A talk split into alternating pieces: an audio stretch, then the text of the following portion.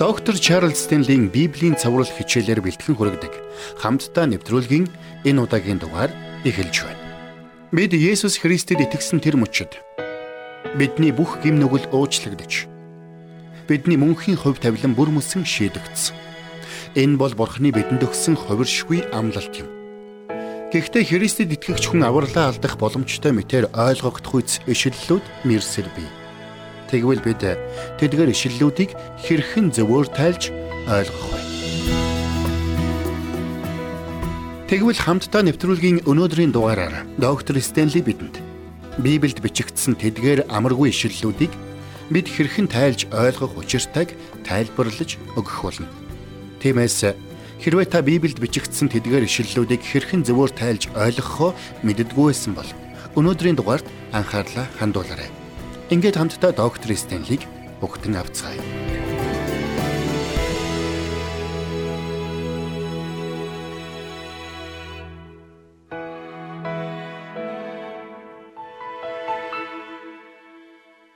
Аливаа хүн жинхэнэ амар тайвныг мэдрий гэвэл өөрийнхөө авралд бүрэн итгэлтэй байх учиртай юм.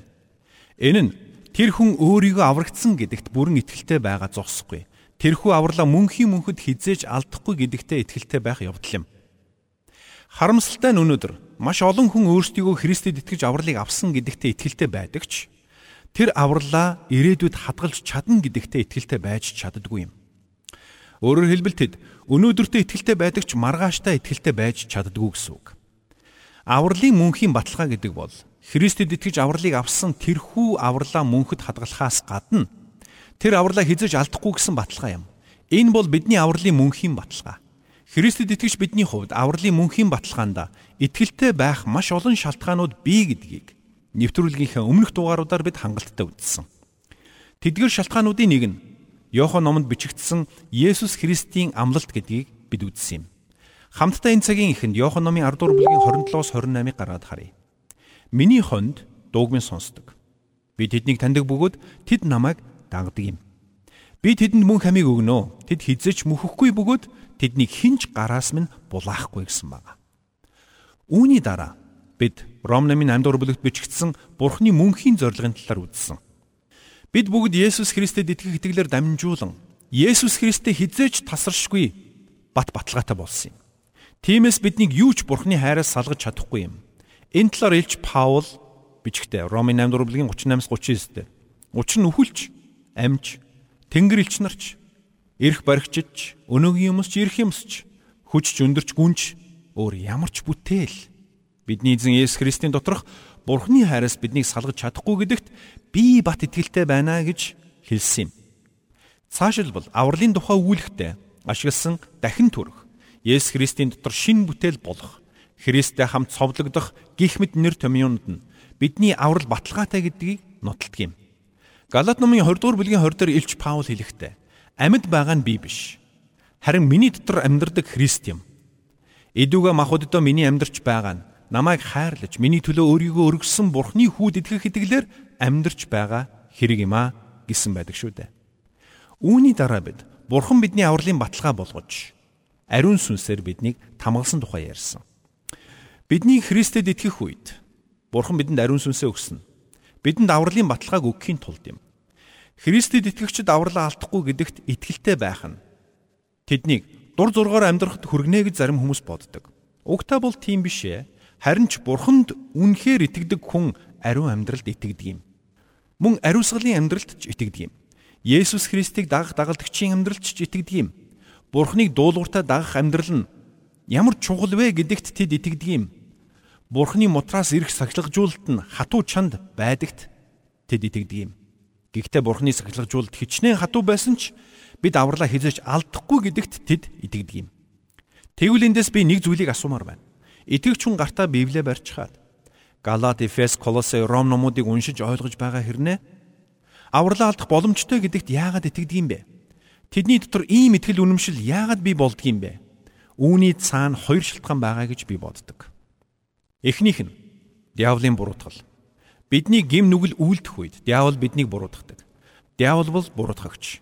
Тэр бидний гим нүгэл үйлдэхэд уруу татдаг атлаа биднийг бүдрэх үед буруутхан ялладаг. Чи авралыг аваагүй учраас ийм алдаа гаргаж байгаа юм. хэмээн буруутгад юм. Харин хоёр дахь шалтгаан нь Библийн зарим ишлүүдийг хам сэдвээс нь салгаж буруу ойлгосонтой холбоотой байдаг юм. Учир нь Библийн зарим ишлүүдийг хам сэдвээс нь салгаж ойлговол энэ нь бидэнд авралыг авсан итгэгч хүн дараа нь авралаа алдах боломжтой мэд ойлголтыг төрүүлдэг юм. Тиймээс би тэдгээр буруу ойлголт төрүүлж болзошгүй багц ишлүүдийг энэ цагт авч үзмээр байна. Ингэхдээ Христэд итгэгчид авралаа алдах боломжтой гэж үздэг хүмүүсийн голчлон барьдаг ишлүүдийг хамтдаа үзэх болно.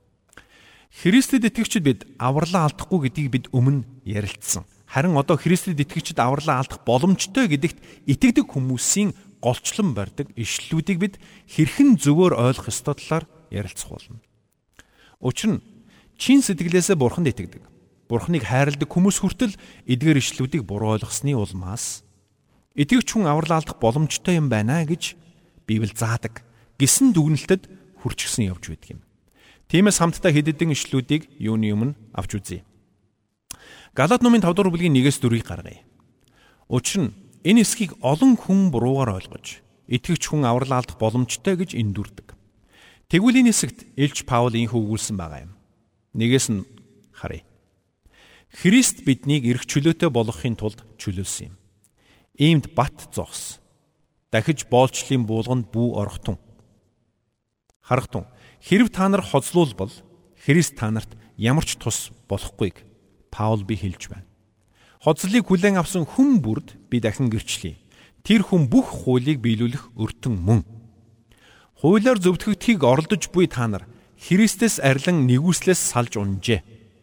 Зарим хүмүүс ихэвчлэн сүлд уншсан дөрөвдүгээр ишлэлт тулгуурлан итгэвч хүн авралаа алдах боломжтой гэж тайлбарладаг. Тэгвэл энэ ишлэлт хэлж буй санааг зөвөр ойлгохын тулд бид Энэ ишлэлийн бичигдсэн хам сэдвийг сайтар ойлгох учиртай.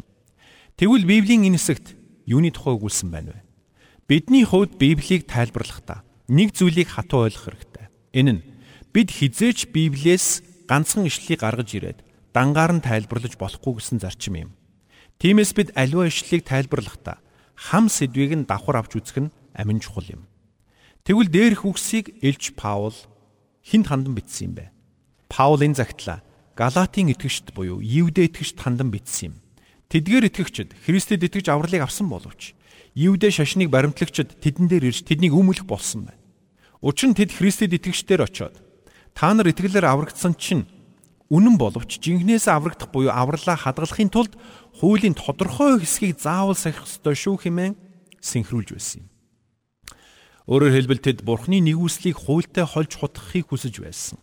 Тэд Христэд итгэжтийн толгойг эргүүлж Есүс Христэд итгэх нь хангалтгүй. Авралаа хадгалахын тулд зарим нэг хууль дүрмийг сахих ёстой хэмээн ятгах байсан. Тиймээс жилч Паул Галатийн 1-ийн 6 дээр Христийн нэгүслэр та нарыг дуудснаас ялгаатай сайн мэдэрүү та нар ийм түргэн иргэсэнд би гайхаж байна хэмээн бичсэн юм.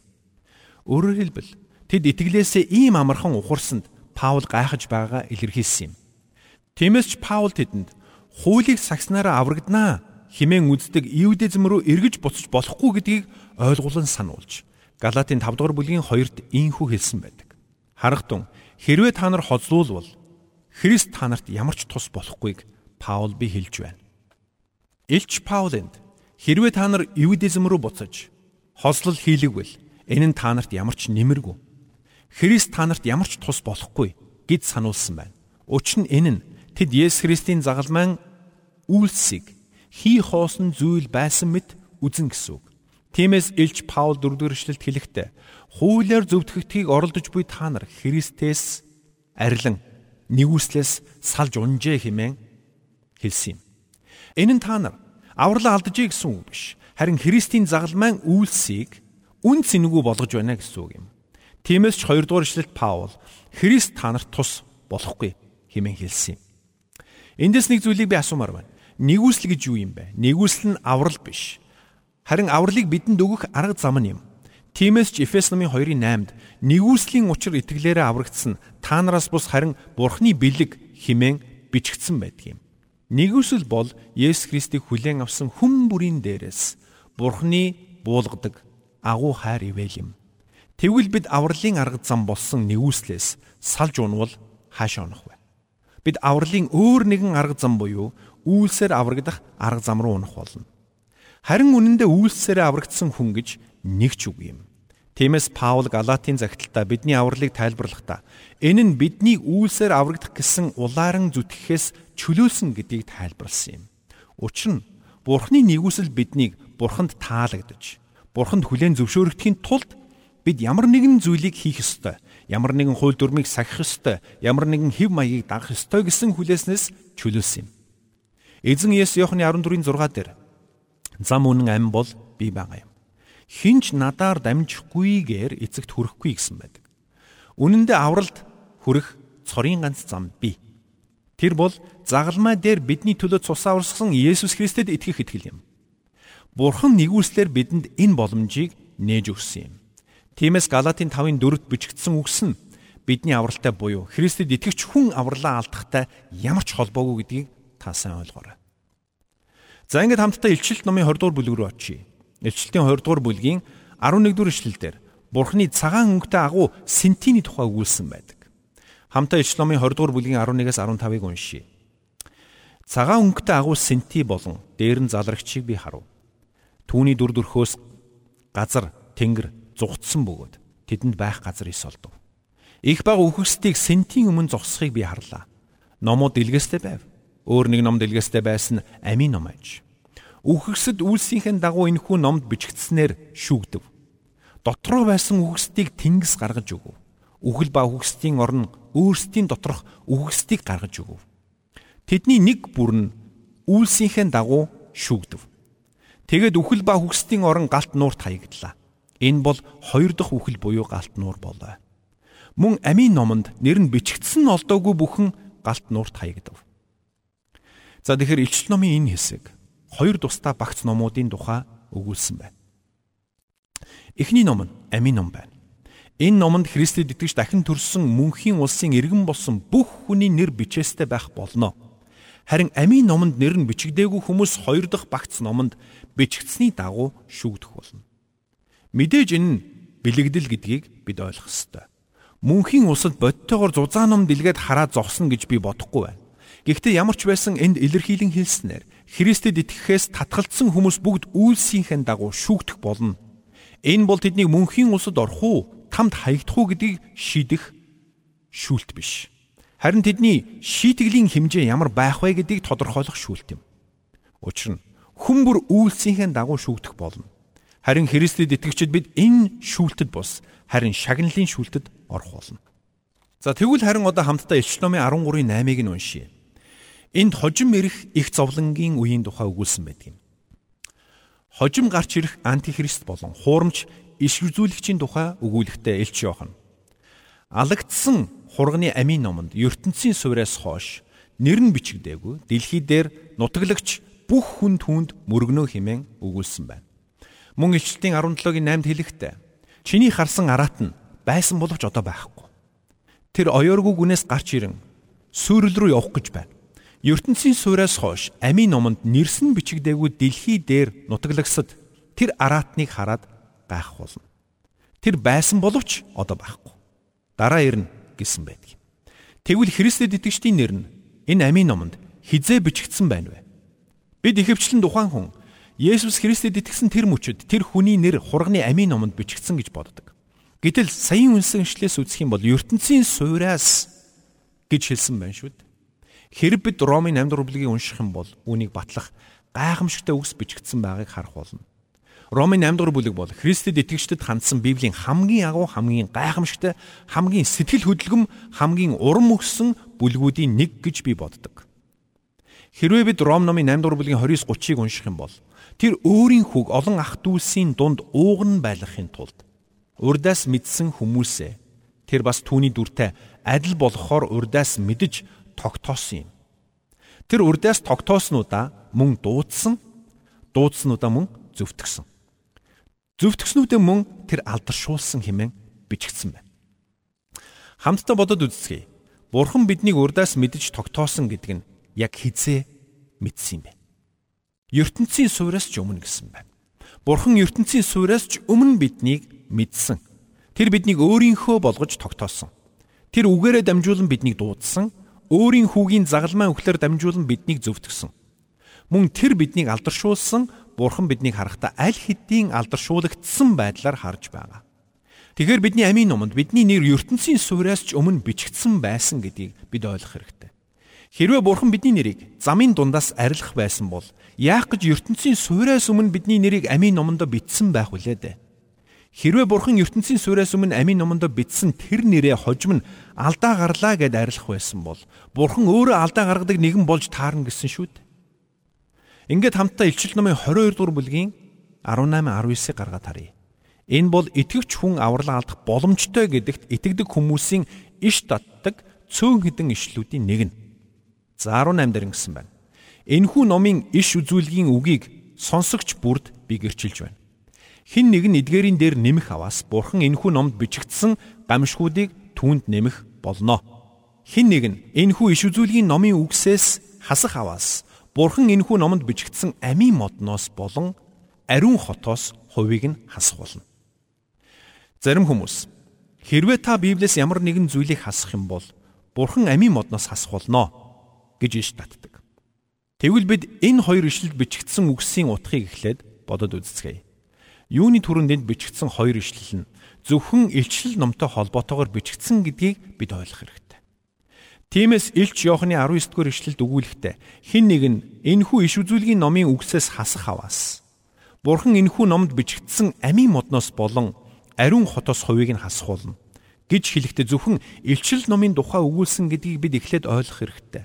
Нөгөө төгөр энэ ишлэлд хин нэг нь энэхүү иш үзүүлгийн номын үгсээс хасах аваас аврал алдах болно гэж хэлээгүй. Харин амийн модноос болон ариун хотоос хувийг нь хасах болно гэж хэлсэн гэдгийг бид ойлгох хэрэгтэй. Энэ бол итгэвч хүн аврал алдах тухай биш, харин итгэвч хүн шагналаа алдах тухай ярьж байгаа гэдгийг бид ойлгох нь чухал. Өөрөөр хэлбэл Бурхны үгээр оролдож, Бурхны үгэн дээр нэмж хасаж байгаа альва хүн сахилгажуулагдах болно гэдгийг Илч Иохан тодорхой хэлсэн байна. Ийм хүмүүс мөнхийн хохирлыг амсах болно. Энэ нь тэдний амийн модноос хүртэх жимс ариун хотод эзэмших тэдний хувь байх болно. Гэхдээ энэ нь тэдний авралтай ямар ч холбоогүй гэдгийг бид ойлгох хэрэгтэй. Тэд бурхны үгээс нэмж хасвал авралаа алдаж тамд хаягдах болно гэж энд хэлээгүй гэдгийг бид сайтар ойлгох хэрэгтэй. Ичломын 2 3 дугаар бүлэгт Иохан Бага Азийн чуулгануудад буюу Эфес, Смирна, Пергам, Туатер, Сарде, Филадельфи болон Лавдакийн чуулгануудад хандан бичсэн байдаг. Хэрвээ та анхааралтай унших юм бол Иохан чуулган бүрт нэг зүйлийг адилхан хэлсэн байдаг.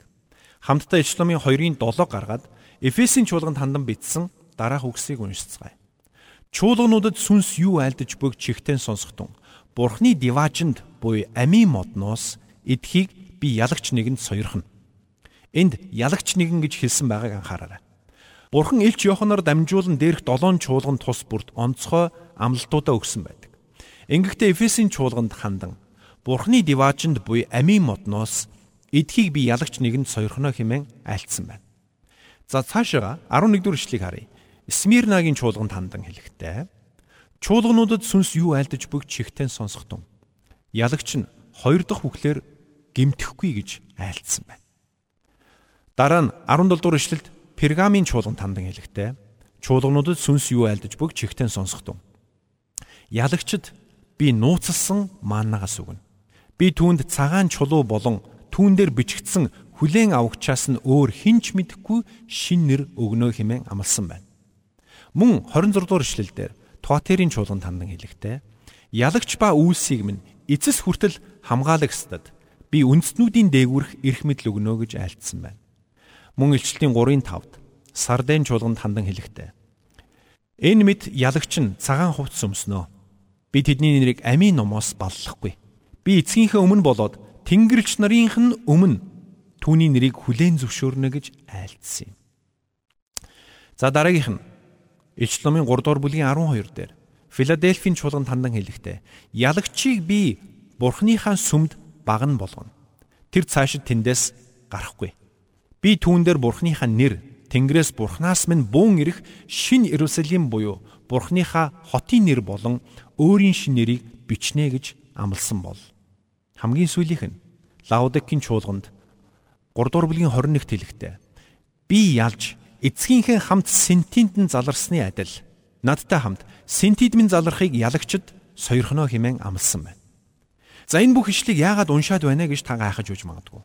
Учир нь зарим хүмүүс элчилтийн 3-5-д бичигдсэнчлэн энэ мэт ялагч нь цагаан хувцс өмснөө. Би түүний нэрийг амийн номноос баллахгүй гэсэн үгийг уншихдаа хэрвээ ялагч байж чадахгүй бол амийн номоос нэр арилгах юм байна гэж эндүрдэг. Гэтэл хэрвээ бид өмнөх болон дараагийн ишлүүдийг унших юм бол Бурхан Баг Азийн долоон чуулганд хандан тэдэнд байгаа ялагчдад өгөх гайхамшигтай амлалтуудын тухай өгүүлсэн болохыг тодорхой харж болно. Тиймээс Бурхан гартаа баллуур барьчихсан хүмүүсийн нэрийг амийн номоос арилгаад сууж байдаг нэгэн гэж битгий эндүүрээрэ. Бурхан ертөнцийн суурьаас өмнө бичсэн нэрээ өөрөө балруулдан арилгана гэж юу? Бурхан хизээч алдаа гаргадаггүй юм. Бурхан бүхнийг мэдгч. Тиймээс ч Ромын 8 дугаар бүлэгт хэлэхдээ тэр биднийг урдаас мэдсэн, урдаас тогтоосон, биднийг дуудсан, зөвтгсөн, мөн алдаршуулсан хэмээн тунхагласан юм. Энэ бүх үгс ирээдүйд цаг дээр биш, өнгөрсөн цаг дээр бичигдсэн гэдгийг та анхаараарай. Өөрөөр хэлбэл энэ бүхэн Бурхны хувьд аль хэдийн болж өнгөрсөн зүйл юм. Тиймээс Бурхан бидний хэнийхэн ч нэрийг амийн номоос балруулдахгүй гэдэгт та бүрэн дүүрэн итгэлтэй байж болно. Өнгөцхөн харах юм бол доктор Чарлз Стенлийн бидэнтэй хуваалцсан ишлэлүүд бидний мөнхийн авралын баталгаатай зөрчилдөж байгаа мэт харагддаг. Гэвч хэрвээ бид тэдгээр ишлэлүүдийг зөвөр ойлгох юм бол зөрчилдөх бус харин ч илүү баттгаж өгч байгааг ойлгох болно. Зарим хүмүүс авралын баталгааг гим нүгэл дураараа үйлдэх эрхийн бичиг мэтэр төсөөлдөг. Гэвч тийм бишээ. Галаад 6-гийн 7-оос 8-ыг харах юм бол бүү мэхлэгд бурхан элэг дог болохгүй. Юу гэвэл хүн юу тарьснаа л хурааж авдаг. Учир нь мах боддоо таригч нь мах бодоос янзрлыг хурааж авна. Харин сүнсэнд таригч нь сүнснээс мөн хамийг хурааж авна. Химэн бичигдсэн байдаг. Үнэхээр мах бодын нүгэлт мөн чанартай нийцүүлэн нүглийг таригч нь сүрлийг хураах болно. Харин ариун сүнсэнд таацуулан сүнсэнд таригч нь мөнх амийг хурааж авах болно. Өөрөөр хэлбэл бид үйлцэн нүглийнхээ үр дагавраас зайлсхийж чадахгүй гэдгээ ойлгох учиртай. Учир нь Бурхан бидний буруу үйлдэлийг үргэлж хайр дотроос засаж залруулж өгч байдаг. Гэхдээ хэдийгээр бид ийхүү нүгэл үйлдсэн ч бидний мөнх амийн баталгаа хизээж ганхшгүй юм. 1-р Иохан 5:13-д хэлэхдээ Бурханы бидэнд өгсөн мөнх амин түүний хүү дотор оршин байдаг гэдгийг батлан хэлсэн байдаг. Тиймээс хүүг хүлээн авсан бүхэн мөнх амьтаа юм. Тиймээс ч та нар мөн хамтаа гэдгээ мэдээсэй гэсэндэ би бурхны хүүгийн нэрд итгэдэг та нарт үүнийг бичлээ. Химэн илч Йохан сануулсан байдаг юм шүү.